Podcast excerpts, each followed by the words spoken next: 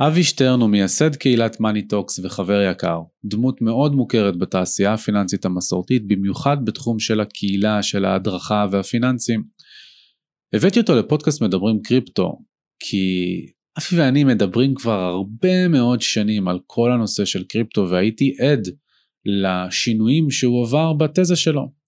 אז בעוד שהוא עדיין לא דעתן ואין לו איזושהי עמדה נחרצת על דעתו על קריפטו או על הכלכלה באופן כללי, היה חשוב לי שתשמעו אתם את הטייקים שלו, שאותם אני מכיר כבר תקופה ארוכה, גם על הקריפטו והדרך שהוא עשה עד כה, וגם על המקום שבו אנחנו נמצאים בזירה הבינלאומית של הכלכלה, שסובלת מאינפלציה קשה, בנקים מרכזיים שמתמודדים עם צרות שהם לא זכרו מתי הפעם האחרונה שזה קרה, ועוד הרבה דברים נוספים. אתם מאזינים לפודקאסט מדברים קריפטו, הפודקאסט של קריפטו ג'אנגל, המקום שבא לעשות לכם סדר בג'ונגל המטבעות הדיגיטליים. אם אתם מחפשים לצרוך תוכן שוטף, להתעדכן במה שקורה בתעשייה וכמובן ללמוד עליה לעומק ממגוון רחב של היבטים, אתם מוזמנים לבקר באתר שלנו cryptojungle.co.il או בלינק שיופיע לכם בתיאור הסרטון. רגע לפני שאנחנו מתחילים זה החלק שבו אני מזכיר לכם ששום דבר שהאורחים שלי ואני אומרים לא יכול ולא צריך לשמש כהמלצה לפעולה או כייעוץ השקעות, אלא אתם אנשים בוגרים שמקבלים החלטות עבור עצמכם, וכיאה לכך, בצעו את המחקר שלכם בעצמכם, ועכשיו, מבלי להרבות במילים, בואו נתחיל עם הפרק.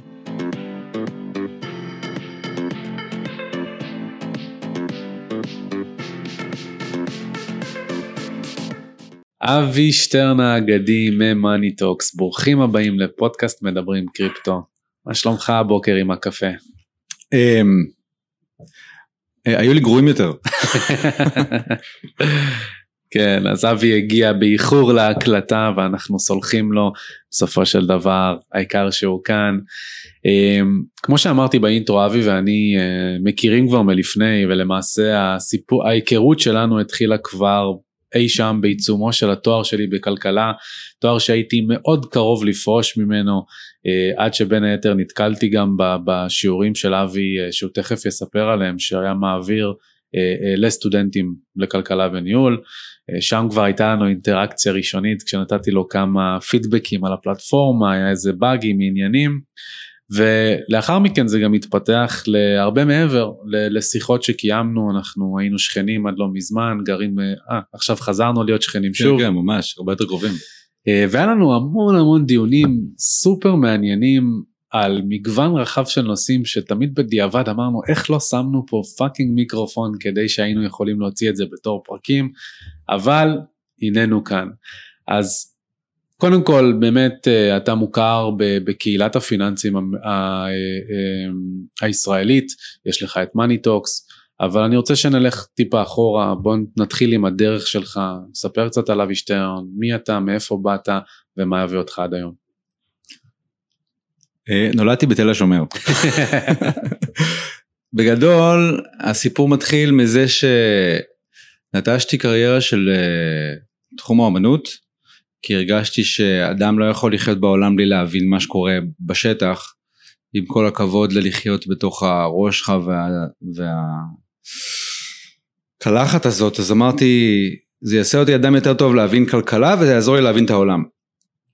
איפשהו ב-2007 הלכתי ללמוד כלכלה, אמ, וכבר אחרי, בשנה הראשונה בתואר הבנתי שאני יודע ללמד את זה. כאילו הגישה שלי לדברים, אני באתי הרבה יותר בוגר כנראה גם בגיל וגם ב... בנכונות שלי ואז הבנתי שאולי אני יכול לעזור לסטודנטים אחרים אה, להבין כלכלה ומימון יותר טוב. אז התחלתי להרצות בתחילת השנה, בסוף השנה הראשונה. אה, כתבתי ספר לימוד ויצרתי איזשהו ביזנס של אה, הכנה לבחינות לסטודנטים לכלכלה, מימון וכאלה דברים. במשך יותר מעשור הרציתי, כתבתי ספרים, בניתי את האתר שדיברת עליו שמלמד אה, באנימציה, כלכלה והכל. לאורך הזמן הזה גם, אתה יודע, השקעתי, פשוט חקרתי, כל דבר עניין אותי, כל דבר, כל היום קורא, לומד, קורא, לומד, חוקר, מחדד, וזהו, ואז מתישהו לקראת 2020, החלטתי שאני רוצה לקחת את זה צעד אחד קדימה ולהגיע לציבור הרחב, לא רק לסטודנטים. והקמתי את אה, קהילת Money Talks אה, בפייסבוק שהיום היא קהילת שוק ההון ממוקדת שוק ההון הכי גדולה בפייסבוק. אמ, ושם התחלתי לכתוב פוסטים top of my head הנגשה ורעיונות ודעות וזה. כנראה שהיה לי טיימינג טוב כי אז הגיעה הקורונה ושוק ההון נהיה בכותרות. אה, זה תפס די חזק. והיום יש לי חברה שעושה הדרכות פיננסיות גם לארגונים כמו Microsoft, Google, investing.com, עכשיו אני מעביר קורס לעובדים הבינלאומיים שלהם, וגם לקהל הרחב. המטרה היא להנגיש, ללמד, לפשט, אה, לפרוץ את החומות האלה של הבנה פיננסית בשוק ההון. מדהים, באמת מדהים, אחלה של דרך, ואני באמת אה, יכול לומר בצורה הכי, לא, הכי אובייקטיבית והכי לא משוחדת שיש, אני סבלתי מאוד בתואר שלי בכלכלה וניהול, יש את ה... זה, זה מדהים אותי תמיד שאני נזכר בזה ששנה וחצי לתוך התואר, עוד לפני שהכרתי בכלל את ביטקוין, הייתי מאוד מאוד קרוב לפרוש מהתואר ואני חושב שאם לא הקורסים שלך יש סיכוי טוב שבאמת הייתי פורש כי כל הסמסטר פשוט לא הייתי עושה כלום, לא עניין אותי האופן שבו מר, המרצים מעבירים את החומר, את ההתמקדות בהנחות מוצא הזויות שאולי עוד אה, יצא לנו לדבר עליהן בהמשך הפרק, אה, ו, והייתי, כבר ביררתי איך לעצור את התואר ו, וכאילו מה המשמעויות של זה וכולי, אה, ואז הכרתי את ביטקוין ומשם אמרתי טוב נו נישאר.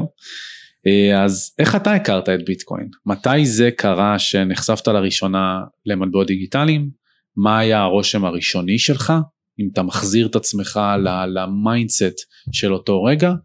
ואחרי שאתה השתפשפת ולמדת והתעניינת, איך זה השתנה עם הזמן? אני חושב שזה היה קצת אחרי שזה נהיה דבר. לא זוכר באיזה שנה, תחילת העשור הקודם. אה, התוודעתי לנושא הזה, מבחינתי היה כזה, טוב, בני האנוש מנסים את מזלם שוב. אמ, הדעה שלי הייתה זה שהרי מייצרים פה כסף שהוא פיר טו פיר, כסף שאתה יכול אה, במירכאות לשלוח באימייל אה, מאדם לאדם ועוקף את המערכת הבנקאית, ואמרתי, טוב, אם אני מכיר את המערכת הבנקאית או את השררה, לא ייתנו לזה לתפוס. זה יישאר קוריוז כזה שעוד אף אחד לא מתייחס אליו, משהו כזה מחתרתי, ואמרתי, טוב, שוין, אובזרב, עלה בדעתי לקנות, עלה בדעתי לקנות משהו מזה, הייתי עצלן. אמ, וזהו, נתתי לזה לחלוף. אני חושב שב-2017 זה עשה קאמבק, תשומת הלב לפני החבר שלי ש... שהוא, אתה יודע, היה מקבל כל מיני ביטקוינים במתנה מכל מיני דברים שהוא היה עושה באינטרנט, ויום אחד הוא אומר, הוא קולט שכאילו, תקשיב זה קפץ, אני כאילו היה לי איזה 14 שקל ועכשיו זה שווה מלא. והוא נכנס לזה חזק, אמ, אני באותו זמן אמרתי, האמירה שלי לעצמי הייתה, לא יכול להיות שאתה מתעסק, מתעסק בכלכלה ולא חוקר את זה. האינסטינקט הראשון של כלכלן הוא כאילו להתנגד. אמ, לא כי הוא, מה זה להתנגד? יש משהו נורא ציני בלהיות כלכלן. במובן הזה שאתה לא מאמין, מה שהיה הוא שיהיה. במובן הזה של, אה, שוב פעם, אם, אם זה לא יכול לתפוס יותר מדי, זה קוריוז, זה, זה, זה pump and dump. זה הכל ספקולנטים והכל, אבל אני חייב לומר שזה לא היה הרגש החזק. למעשה אני לא מדייק כאן. הרגש הראשון היה, תחקור, תלמד. והדרך שלי לחקור היא לשים לעצמי מטרה. אמרתי לעצמי, אני אחקור את זה, אני אבין את זה, אני אפשט את זה כמו שעשיתי עם הרבה דברים אחרים, ואז אני אנגיש את זה, והייתי אמור לפתוח קורס אה, בשלוחה של הטכניון, שמלמדת, מנגישה את זה לקהל הרחב. אז קניתי, כל האביזר, קניתי מכונת קריאה סתם בשביל לראות ולחקור, קניתי את כל האביזרים האפשריים, חקרתי, למדתי, ראיינתי, בניתי קורס ואז הביטקוין צנח. ברגע שהוא צנח הציבור איבד עניין, ואני נשארתי בתוך קבוצות וואטסאפ שמתעסקות בדבר הזה, ואתה יודע איך זה קורה, כאילו בהתחלה כולם מתלהבים, מתלהבים, מתלהבים, ואז אתה קולט ש... אתה יודע, כשה... שיש שפל פתאום רואים מי עומד בלי מכנסיים, אתה קולט חירפון טוטאלי בקרב הציבור שאני תפסתי כציבור המאמינים. תחושתי היה אוסף של ספקולנטים שאין שום, אה, איפה האג'נדה פה? הייתה פה אג'נדה, לא? והתחושה הייתה שרק מחכים למתי שהוא ימריא, עוד שנייה הוא ימריא, זהו ימריא, סקאמים, מה שאתה רוצה, ואמרתי fuck that shit, כאילו, נשבע שבאתי פגישה חיובית לדבר הזה, הייתי, בוא נחקור, זו תופעה, אתה לא צריך להתנגד אליה. ויצאתי בתחושה של עזוב, בני האנוש יחרבנו הכל. כל דבר שתיתן להם, בסוף מה שהיה הוא שיהיה, הם ייקחו את זה, יהפכו את זה ל, ל, לעוד uh, משהו שיגשים את המטרות הגרידיות שלהם, ואין לזה סיכוי בגלל בני האנוש, לא בגלל הרעיון. ואתה עדיין חושב את זה? אני חושב גם וגם, תראה, זה כמו המערב הפרוע. אתה מבין, הגעת לאיזה חלקת אדמה שם בארצות הברית, לא מיושבת, הקמת משהו, שום דבר לא מגובש. יש מקום לבנדיטים ול... ול... עם כל זה שאתה רוצה להפריח את השממה ויש כאלה, מנגד יש את אלה שרק, אתה יודע, מנצלים פרצות קיימות. אני מניח שגם לגישתך גם אתה מסכים שכשמשהו כזה הוא בהתהוות, האנשים הכי מתוחכמים, בוא נגיד אלה שכבר למדו ועשו, הנוכלים הראשונים בעיניי הם הכי מתוחכמים. הם כאילו עשו בית ספר, הם למדו, הם הבינו כאילו איפה הפרצות והם אומרים זה מספיק בתולי, בתולי וחדש בשביל שיהיה אפשר לנצל את זה. כמו ילד קטן שכאילו אתה יכול לעבוד עליו בקלות. כמו גם האינטרנט ב- ב- כמו גם בתחילת האינ- הדרך. כן, כל דבר כזה שהוא פרצתי, יש מי שיעשה שיעורי בית וינצל את זה, ומנגד יש את אלה שבאמת ובתמים כנראה אה, מאמינים בזה כ, כאבן דרך ב- באנושות. אז זה גם וגם, תמיד אנשים מנסים להתקבע על העמדה האחת, אני לא חושב שאתה יכול לקחת חצי עמדה. זה גם וגם. אה, אני מכיר בכך שיש הרבה אנשים שבאופן אותנטי אה, מאמינים בזה ורוצים, מפריחים את השממה פה, ומנגד יש אה, טורפים, ויהיו טורפים עוד.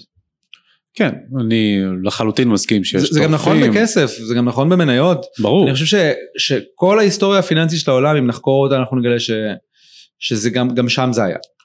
חד משמעית וזה בדיוק אה, למה אני באמת מתעניין ב- בדעה שלך כי כאילו ברור שיש לא מעט דברים שליליים שקורים בתעשייה אה, בין אם זה ניסיון ניסויים כמו לונה עם הקריסה האגדית שהייתה בחודש מאי בין אם זה הפריצות וההונאות ויש שלל של דברים שליליים אבל גם באינטרנט השימושים הראשונים שלו בצ'אט רומס היו לפדופילים ולסחר ב- ב- בילדים אה, ולדארקנט אה, למכור דברים ש, שאסור למכור בפלטפורמות סחר סטנדרטיות.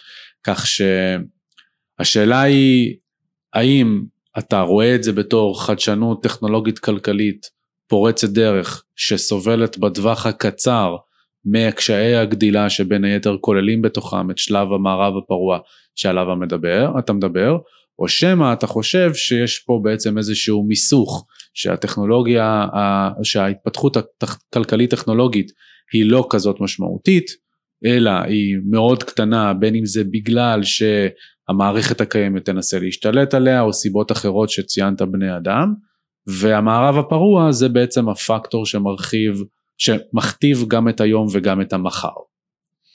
תראה, קודם כל, הגישה הראשונה שלי היא להסתכל על דברים כמו סרט טבע.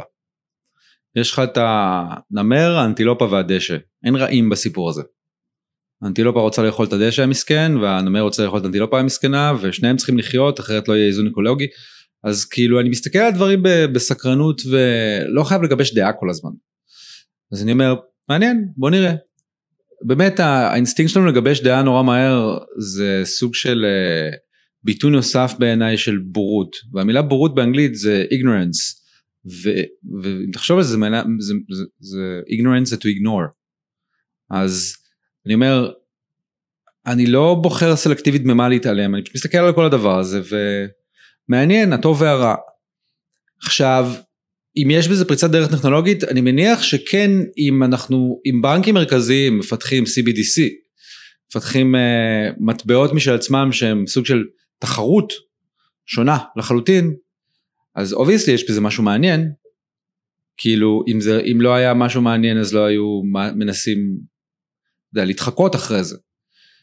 obviously הרעיון עצמו הוא בעיניי נורא מעניין כי אם נחשוב על זה שנייה, למה אני לא יכול להחזיק כסף ב folder במחשב שלי ולא בבנק?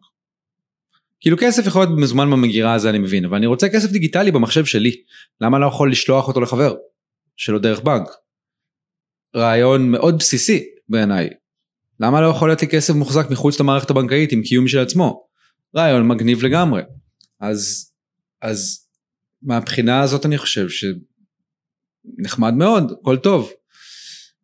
עכשיו השאלה אם גם אתה שואל אותי על האם אני חושב שזה כמו שזה היום זה רעיון טוב. אין לי מושג. יש לי עדיין איזושהי דעה, תראה, יש בי איזשהו משהו שיופתע מאוד אם, אתה יודע, ייתנו לזה לקרות ולגיטימציה, אבל נותנים לזה לקרות דרך המקומות ונותנים לזה לגיטימציה. כי אני אומר, תמיד הדעה שלי הייתה קצת צינית ולומר, בסוף כל מה שיש לנו היום זה עדיין, כמו ימים עברו, משטר מלוכני.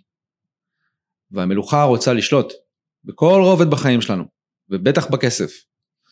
ובעצם באיזושהי צורה שחרור השליטה מכסף נשמע לי, אתה יודע, incomprehensible, כאילו, אז זה נשמע כאילו זה תמיד יישאר מין איזה משהו פנקיסטי מחתרתי, כאילו תמיד מוסתר, מוחבא, ואולי רק, זה רק עניין של זמן עד שישימו על זה אוכף וירתמו את זה לכללים, או יחדירו את ה-CBDC ויוציאו את זה מחוץ ללגיטימציה. אין לי מושג, אני רק יודע שאני חייב להודות שכלכלנים יש להם נטייה לשמרנות, מניסיוני. והם מגבשים דעה מאוד מהר ואני מנסה לא לחטוא בזה. אז אני כאילו, אני עדיין מקשיב. יש אנשים, obviously יש אנשים סופר חכמים בתחום הזה. כשאני אומר סופר חכמים זה נשמע מילה ריק מתוכן, לא, מאוד מאוד מאוד חכמים ומיושבים. האינסטינקט הראשון שלי היה כזה, אמ, לא אתם לא מבינים עד הסוף את העניינים, לא אתם לא מבינים איך זה, וכאילו לא להעריך מספיק את האינטליגנציה. אבל ככל שדיברתי עם אנשים אמרתי טוב אולי הם עשו מחשבה לא, פח, לא פחותה משלי, אז אני מקשיב ומתבונן. ועדיין מנסה לא לגבש דעה מוקדם מדי, אין ספק שיש בעיות ויש המון המון בעיות, אין ספק שזה עדיין לא currency, זה עדיין לא מטבע, אלך, אתה יודע, זה עדיין לא מטבע שאתה יכול להשתמש בו בצורה סבירה בעיניי לקניות. אתה יכול טכנית. זה אבל... תלוי בצרכים שלך. נכון, אתה יכול טכנית, מישהו יקבל את הביטקוין שלך לצורך העניין וייתן לך סחורות ושירותים, אבל חסר לזה בעיניי עדיין את, ה... את היציבות, החירפון עוד לא נגמר. Mm-hmm. אבל אני פשוט מתבונן אה, וסקרן לדעת מה, מה יהיה ומשתדל לא להיות נעול על העמדה שלי שאני בטוח צודק אם היא ככה או ככה. תמיד חשוב לערער על עצמך. זאת אומרת שאם אני מתייחס לזה בעצם בתור המחנות המנוגדים שבטח יש הרבה מהמאזינים שלנו שכשאתה תפרסם לקהילה שלך וכשאני אפרסם לקהילה שלי נקבל בעצם את ההתנגזות שלהם של מצד אחד אלה שמאמינים שקריפטו זה הכלכלה החדשה שתחליף לחלוטין את כלכלת הפיאט או כמעט לחלוטין ויש מצד שני את אלה שבאים וטוענים שבאמת הקריפטו זה סכם ושזה הולך למות ושבין אם זה CBDC ובין אם זה מערכת הקיימת עם כל מיני אה, אה, אדפטציות של סוויפט וכדומה זה יהרוג את הקריפטו אז אתה בעצם סוג של נמצא כרגע באמצע יותר במקום המתבונן. תראה יש איזשהו כן רובד ששלטונות רוצים לשלוט. בסוף פני האנוש עומדים לא עושים כלום, אבל יש מישהו עם כזה שמסתכל עליהם ואומר אני רוצה לשלוט בזה. זה אינהרנטית מולד באנושות. רוצים מבנה היררכי. ואם שלטון רוצה לשלוט, הדרך הכנראה חזקה ביותר לשלוט זה לשלוט בכסף. אני לא סבור שזה, שהם יוותרו על השררה הזאת כל כך מהר, ומאחר והם אלה ששולטים בחוקים, האינטואיציה שלי זה ש...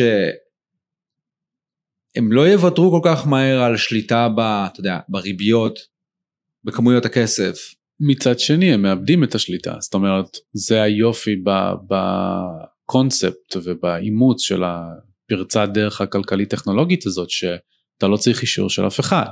אה, שזה למעשה אומר שגם אם אתה במדינה כמו ארגנטינה שסובלת מ capital controls, הממשלה לא מאפשרת לאזרחים להחזיק בדולרים שלא דרך השער הרשמי שהם מקבלים דרך בבנקים, פתאום יש להם פתח לא רק לביטקוין כאסט אלטרנטיבי שהם יכולים להחזיק וכן או לא לסחור בו, אלא גם לסטייבל קוינס, למטבעות דיגיטליים צמודי דולר, שהם צריכים רק חיבור לאינטרנט וטלפון, והם יכולים להחזיק דולר ולברוח ממלתעות השליטה של הממשל וזה כמובן ישתנה גיאוגרפית, ברור שבישראל אנחנו נהנים מממשל טיפה יותר שמסתמן כדמוקרטי, אני אטען שהוא לא, אבל לא, לא ניכנס לדיון הזה עכשיו, אבל זה נראה כאילו אצלנו יותר יציב.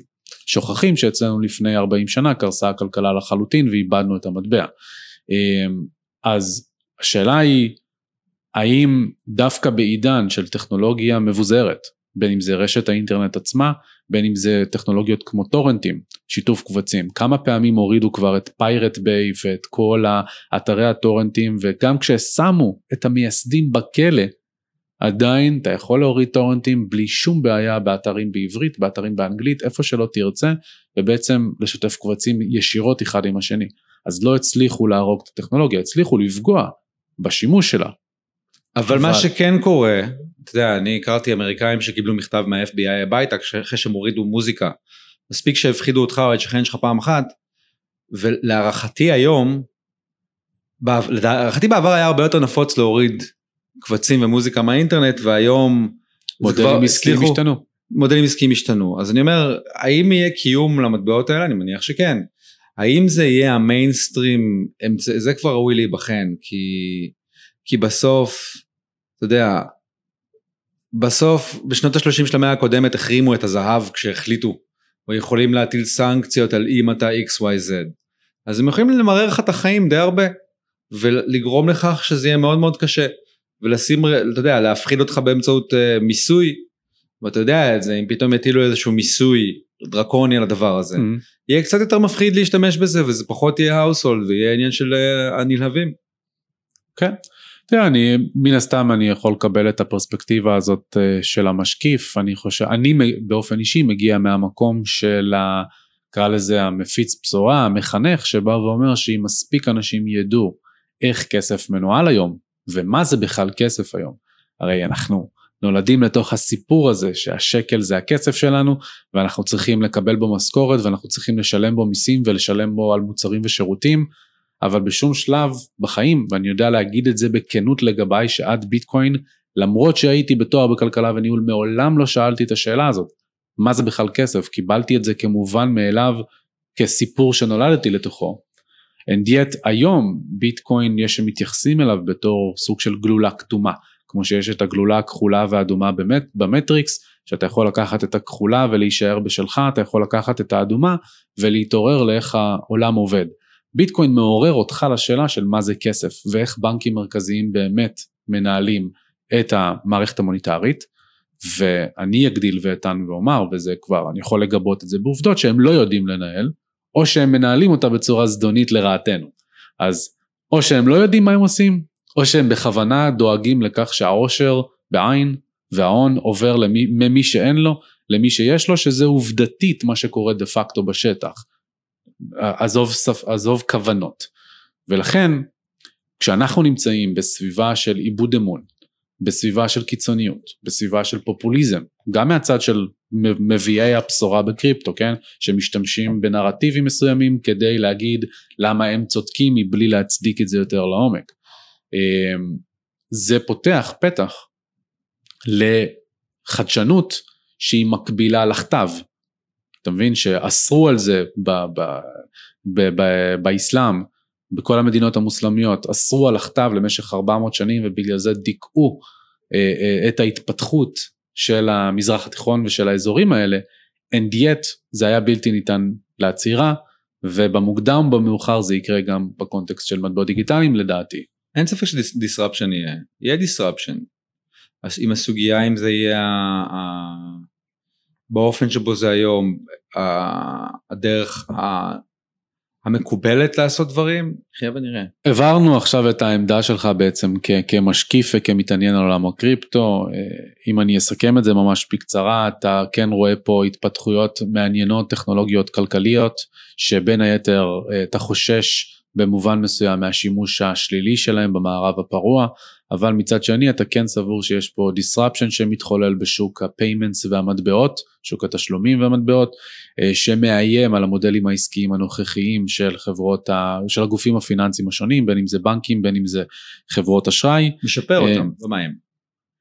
מאיים ב context של תחשוב על זה Blockbuster Netflix אוקיי נטפליקס בעצם אפשרו לך את ה streaming service הרבה יותר זול שנובע גם בין היתר מההתפתחות של טכנולוגיית שיתוף הקבצים peer to peer הטורנטים בעולם שפתאום הכל היה כמעט בחינם או בחינם לאנשים שידעו להוריד אחד מהשני אז הם באו והוציאו שירות שעושה לך את זה מאוד מאוד בזול. זה מעלים אולי על חברות מסוימות, אבל יש מצב שעל תעשייה כולה זה משפר אותה. נראה לי שהיום עושים הרבה יותר כסף במוזיקה ממה שעשו תחרות בעבר. משפרת, אין ספק. כן. תחרות משפרת וגם לזה יש אה, אה, בהחלט אה, אה, מקום.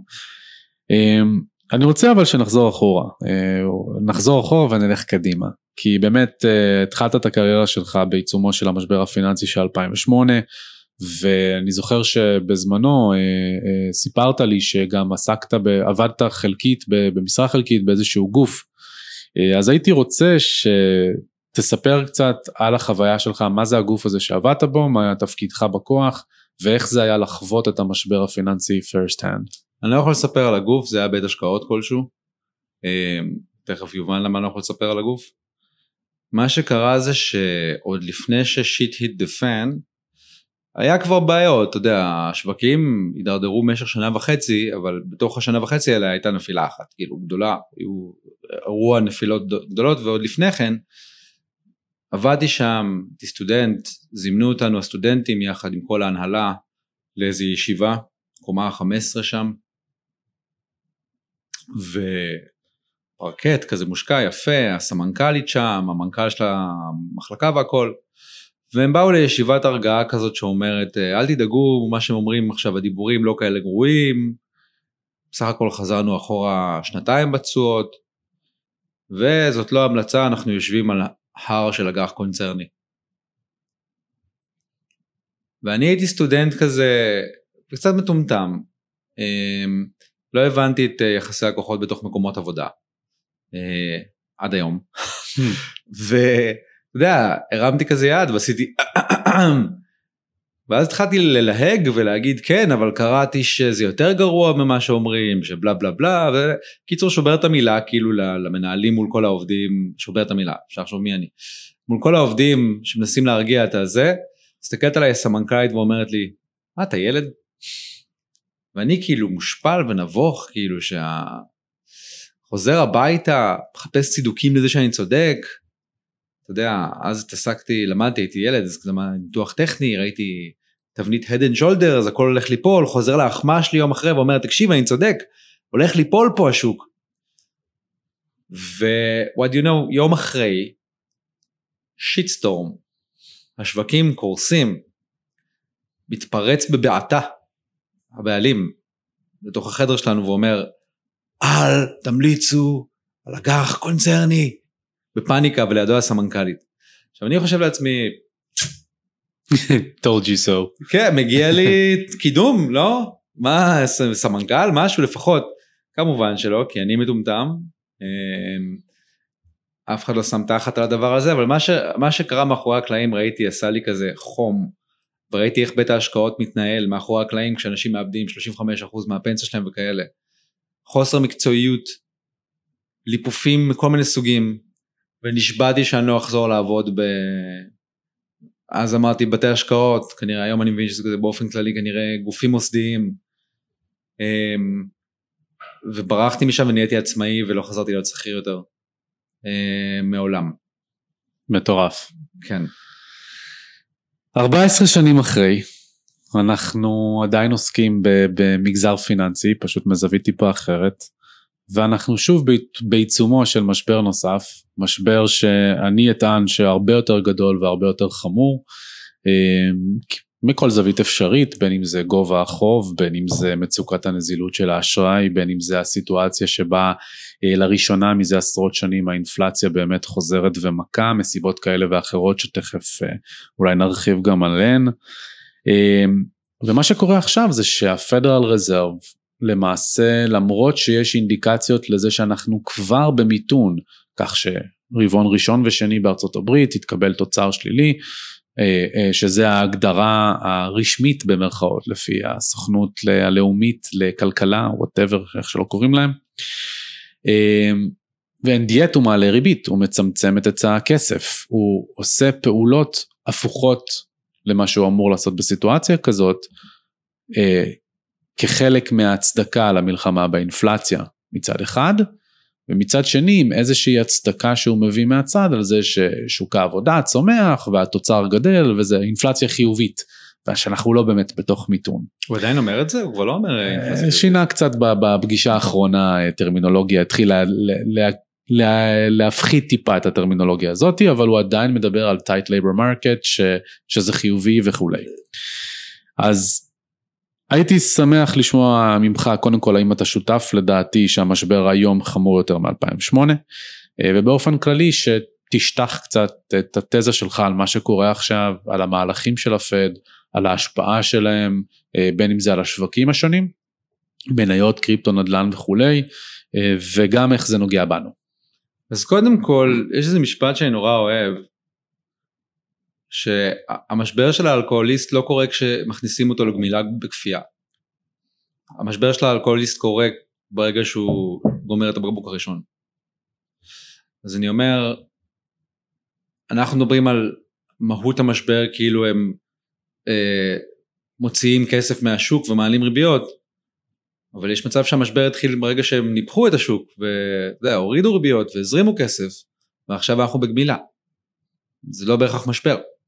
זה גמילה. במובן הזה עכשיו, מה, על, על פניו באופן כללי זה כאילו משבר במובן הזה של אבטלה אולי מתרחבת ואינפלציה והכל אבל כאילו שזה גם קשור לנושא אחר אבל אתה יודע לא תמיד הדבר שאתה לא סובל ממנו הוא הדבר החולה. נגיד תרופה זה לא טעים אוקיי? ועדיין אה, זה כנראה עוזר לך יותר. אז עכשיו אנחנו בגמילה מכסף זול וריביות אפסיות נכון לעכשיו ו... ומניפוחים. בעיניי יש משהו בריא גם בזה. אמרת שהפד עושה את מה, מה שהוא לא אמור לעשות, אני קצת חולק על האמירה הזאת, אין אמור במובן הזה, זאת אומרת הפד מגיב ל... יש כמה מצבים שיכולים להיות, יש uh, ביקושים עולים בכלכלה, demand pull inflation, אנשים קונים, שמחים ובגלל זה יש אינפלציה, זה הבעיה המוכרת. במצב כזה ש... הביקושים גורמים לאינפלציה. אז מעלים ריבית, כי הביקושים חזקים, הם מונעים קריסה כלכלית והכל טוב. היום אנחנו בספ... ב... סליחה, demand push, היום אנחנו ב-supply pool inflation. כלומר אינפלציה לטעמי שנובעת הרבה מענייני היצע. וזאת בעיה. כי כשזה demand pool inflation, אז אתה יכול להילחם באינפלציה אבל הצמיחה שלך גדלה. demand push. וכשזה supply pool inflation, אז יש לך בעיה כי יש לך גם אינפלציה גבוהה וגם ירידה בתוצר. עכשיו וזה משפט שלמה כאן. אם אתה הפד אתה אמור לדאוג לזה שיש לך אבטלה קטנה ויש לך אינפלציה נמוכה. עכשיו אתה צריך לבחור צד. ומה אתה, אם אתה לא מעלה ריבית אז תהיה לך אינפלציה גבוהה ואולי האבטלה שלך תהיה נמוכה והתוצר יהיה גבוה. אם אתה כן מעלה ריבית אז כאילו אתה מדכא את האינפלציה אבל אתה פוגע בתעסוקה. אז הם בוחרים להעלות ריבית בטענה ששוק העבודה תקין, זאת אומרת השוק יכול לעמוד בזה וחייבים כי האינפלציה הזאת היא מחלה. אה, כן, זה מצב, זה מצב, היינו במצבים דומים. אה, בעיניי הפוקוס הוא, של המשבר הזה הוא האינפלציה עצמה. היא כאילו משברית, היא המשבר. והפד עושה את מה שכנראה הוא צריך. עכשיו השאלה אם הוא ירסק בזה את הכלכלה. ומה זה אומר לרסק את הכלכלה? בסופו של דבר כל דיון או ויכוח שיכול להתנהל תמיד, בעיניי אחת הסיבות שוויכוחים לא מוכרעים זה כי לא, לא מגדירים מראש את פרק הזמן הנידון. אז צריך לדבר על טווחי זמן. בטווח הזמן הקצר הגיוני מאוד שאנחנו נראה את התעוקה שנובעת מזה שמעלים ריבית. אבל אז השאלה, בסדר, עד מתי? עד מתי? לנצח? לא מאמין. אין נצח בסיפור הזה. בסוף בני האנוש, we made this, אתה מבין? אנחנו המצאנו את המערכת הזאת. נגיד אנחנו מדברים הרבה על חובות, גם במסופוטמיה, באנושות המתועדת הקדומה, כל 50 שנה היה ג'ובילי, שמיטת חובות. אני כל הזמן שם לב איך חובות נוטים להיעלם בתנאים מסוימים. פתאום, טוב אז אל תשלמו את החוב הזה. פתאום, טוב אז לא, בצורה נורא חמקמקה. אם בני האנוש רוצים לחלץ את עצמם מבוץ, הם, הם ישנו את כללי המשחק. זמנית, באופן חמקמק, איכשהו, כי בסוף, we made this. אנחנו נאחזים במערכת הכלכלית הזאת, אנחנו מהווים אותה, אנחנו חושבים אותה, אנחנו, ואם המצב בקקט, תחשוב על זה, אם הכל ייעלם אנחנו עדיין נהיה פה עצים, צמחים, אוכל, משהו לעשות. זה עדיין קיים, ה-real עדיין קיים. יש עדיין ingenuity אנושי, יש עדיין פיתוחים, הטכנולוגיה קיימת, כל התובנות קיימות. אז להתחייב לכללי משחק במחיר של להשמיד את האנושות, משהו לא אנושי לעשות. האנושות יודעת לעשות reshuffling, אתה מבין? כמו דיברת על המשבר בישראל בשנות ה-80, המטבע וזה נשחק, כן היו נזקים, היה באמת נזקים, עשו reshuffling. כן, אבל עשו רישפלינג שהיה אפשרי אך ורק בזכות אה, מענקים של ארה"ב והתערבות זרה וכדומה, שבמקומות אחרים בעולם פחות קורה, אבל אם כן להשאיר ולמקד את הדיון, אני מקבל במובן מסוים את ההשקפה, אם כי אני חולק עליה, אני חושב שאנחנו לא נמצאים בזמנים רגילים בכלל. לא, לא אמרתי שאנחנו בזמנים רגילים. אמרת שזה קרה בעבר ושזה יקרה שוב.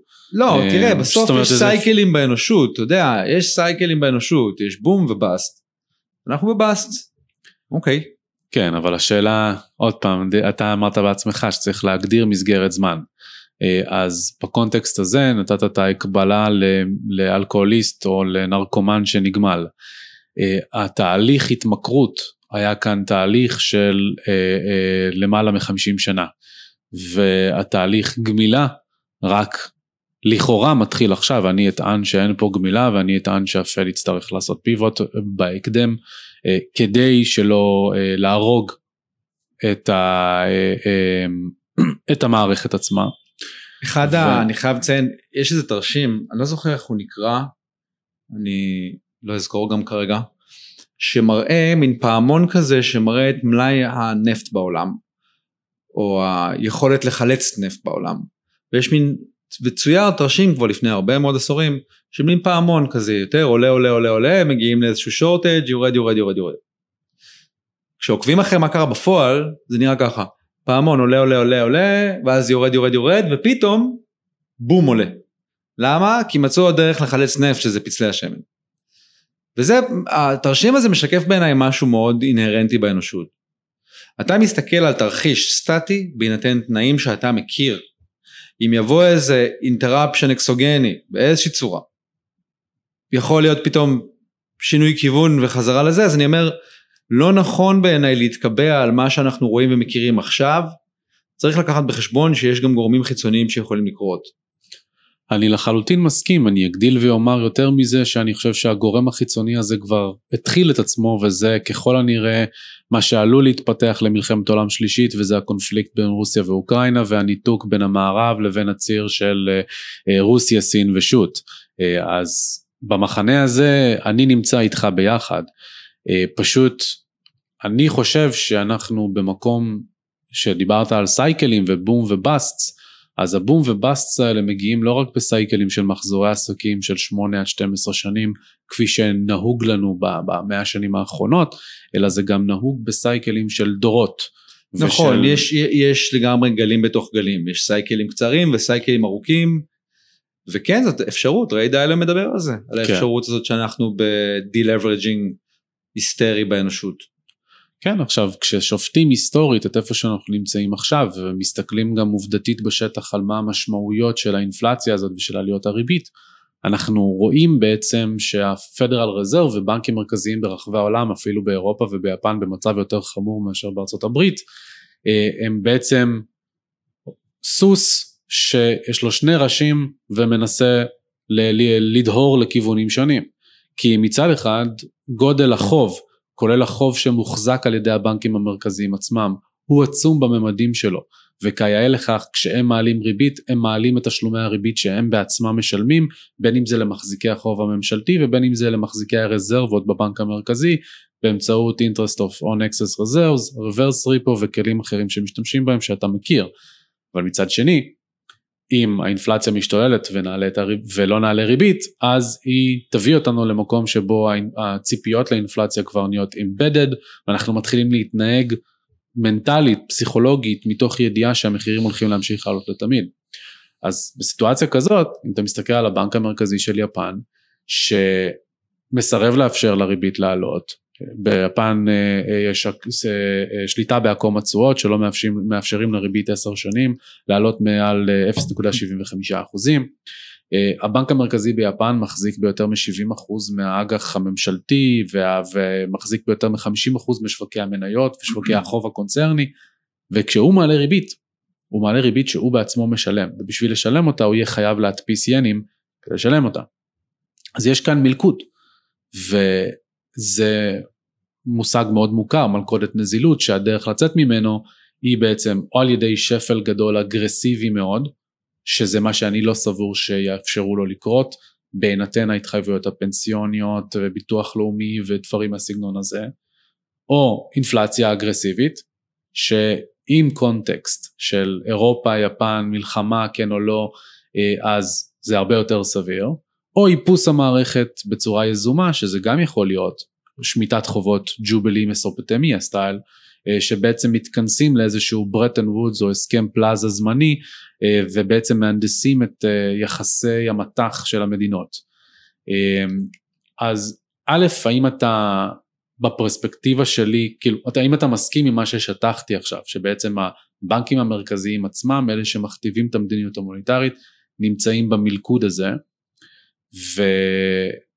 ובצל, כאילו, ואני אשמח שתגיב לזה, זאת אומרת לאיך אתה רואה את זה, כי, כי שוב, אני מגיע מהמקום שבו ה cycle הזה, זה cycle fucking ארוך שנים, זה לא cycle של 8 שנים או 14 שנה מאז המשבר של 2008, אלא זה בעטו ובעטו ובעטו בפחית עד שהביאו אותנו למקום הזה ואני אין לי בעיה על הבמה הזאת וזה אני כי אני דעתן ואני אה, אה, בא ואומר את, את מה שאני חושב אני לא חושב שאנחנו מסיימים את העשור הקרוב עם אותה מערכת מוניטרית אני אגדיל ואומר שזה אפילו לפני, אבל נגיד עד 2030 אנחנו לא נישאר עם אותה מערכת מוניטרית.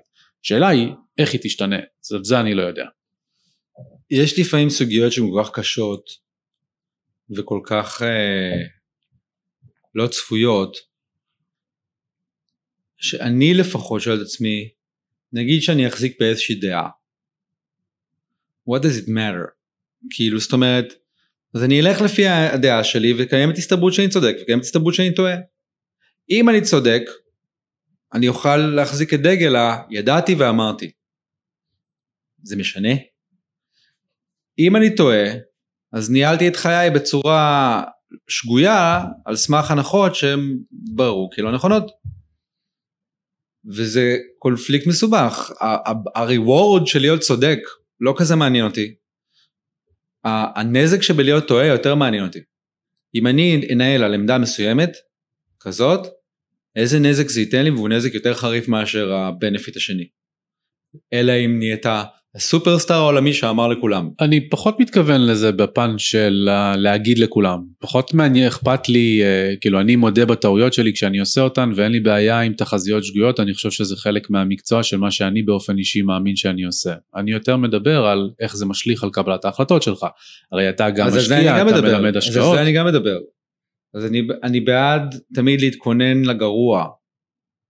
אמ, להניח שיהיה טוב זה לא ניהול סיכונים נכון. בהשקעות אתה קודם כל, להבין כמה אתה יכול להרוויח זה קל, ככה, תסתכל על התשואות עבר, בלה בלה בלה בלה. רוב הזמן שלך צריך להיות מוקדש ללהתכונן לגרוע. ומה אם אני טועה? אז מבחינת מה אם אני טועה, אדם צריך להתכונן לאפשרות שכמו שאתה אומר, יהיה משבר מתמשך, הרבה יותר גרוע ממה שאנחנו מכירים. עד כמה אתה מתכונן זה כבר שאלה אחרת. מה אתה צופה שיקרה שאלה אחרת. אני עוד לא קניתי שוטגן ואני לא אוגר זהב. איך זה בעצם, אה, זה כבר יוביל אותי לשאלה הבאה, באמת לפילוסופיית ההשקעות שלך, הרי אתה בסופו של דבר גם מלמד על, על השקעות בשוק ההון, אה, אה, כמו שאמרת גם בארגונים, גם לציבור הרחב, איך אתה מסתכל, מה, מה, מה הפילוסופיה שלך כמשקיע, ואיך הפילוסופיה הזאת באה לידי ביטוי בטורמואל שבו אנחנו נמצאים עכשיו, בסביבה הלא שגרתית, נקרא לזה ככה. אני לא חושב שזה מורכב כל כך. הפילוסופיה שלי כמשקיע זה תמצא במה לשים את הכסף שיעשה לך יותר כסף. שישמור עליו ושיעשה לך יותר כסף. מה זה כסף? אין לנו זמן לזה, אמרתי לך, יש לנו חמש דקות. הייתי חייב. סורי חברים, לא הפעם. הייתי חייב לשתות את זה. אמ, אז אני אומר, אתה שואל אותי מה, מה, במה אני חושב להשקיע, במה אני משקיע, במה, מה השאלה בעצם? איך, בסופו של דבר יש מגוון רחב של משקיעים עם פרספקטיבות שונות על איך שהם מסתכלים על השוק, בין אם זה אלה שמאמינים יותר בגיוון, style אה, ג'ון טמפלטון ש, שקנה 104 חברות ו, ושם 10 אלף דולר על כל אחת מהן והיה לו אחוזי הצלחה מטורפים וכולי, בין אם זה היותר מסוכנים, אלה שהולכים עוד על ביטקוין בלבד ו- ושמים את כל הפורטפוליו שלהם על זה. אז אני בעד מאוד מאוד, מאוד גיוון, גיוון בין asset classes, קנה נדל"ן, קנה קריפטו. יש לך כללי אצבע מסוימים שלפיהם אתה פועל? עד איקס אחוז מההון, עד... אני לא מאמין בזה, אני חושב שבגלל שהכסף שאתה מרוויח הוא ongoing, כל... אני חושב, תחליט החלטה עכשיו כלשהי, עם הכסף הבא תחליט מה אתה עושה איתו. אז אני אומר, גם אם תהיה 100% מניות עכשיו לכסף שלך, אתה תרוויח עוד כסף, ותחליט איתו אם אתה רוצה עכשיו אה, אג"חים, אם אתה רוצה נדל"ן, אם אתה רוצה זה. בעיניי, כשבן אדם בתחילת הדרך, הוא צריך נכסים יותר מסוכנים ונזילים, כמו מניות, אולי, אתה יודע, לשים איזשהו משהו בקריפטו, למקרה שזה יקפיץ לו את ההון. מתי שהוא אדם מגיע לאיזשהו צובר הון, מגיע לאיזה ישורת, ובדרך כלל הרבה אנשים בוחרים אז לעבור לנדל"ן, ל fixed income מכל מיני סוגים, אג"חים, ליהנות מהתזרים. אז אתה יודע, תן לזמן לעשות את שלו, תן להון שלך לעשות את שלו. נדל"ן obviously מצריך הון רב בישראל לצורך העניין. אז יש סדר אורגני לדברים, הגיוני בעיניי שאנשים יתחילו מ equities, מניות או whatever, כאילו נכס נזיל שהם מוצאים לנכון, ולאט לאט אולי ימירו את זה לנדל"ן. אני חושב שאני כאילו בפרישה השנייה אני מקווה לחיות מנדל"ן בעיקר, פנסיה יותר טובה, אמ, וזהו. ואני מאוד בעד אה, גיוון מודע, לא גיוון מטומטם. מדהים. ובקונטקסט הזה יש לך כלל אצבע להחזקה בקריפטו בסופו של דבר כן. אנשים מסתכלים על זה בצורה מאוד שונה ו...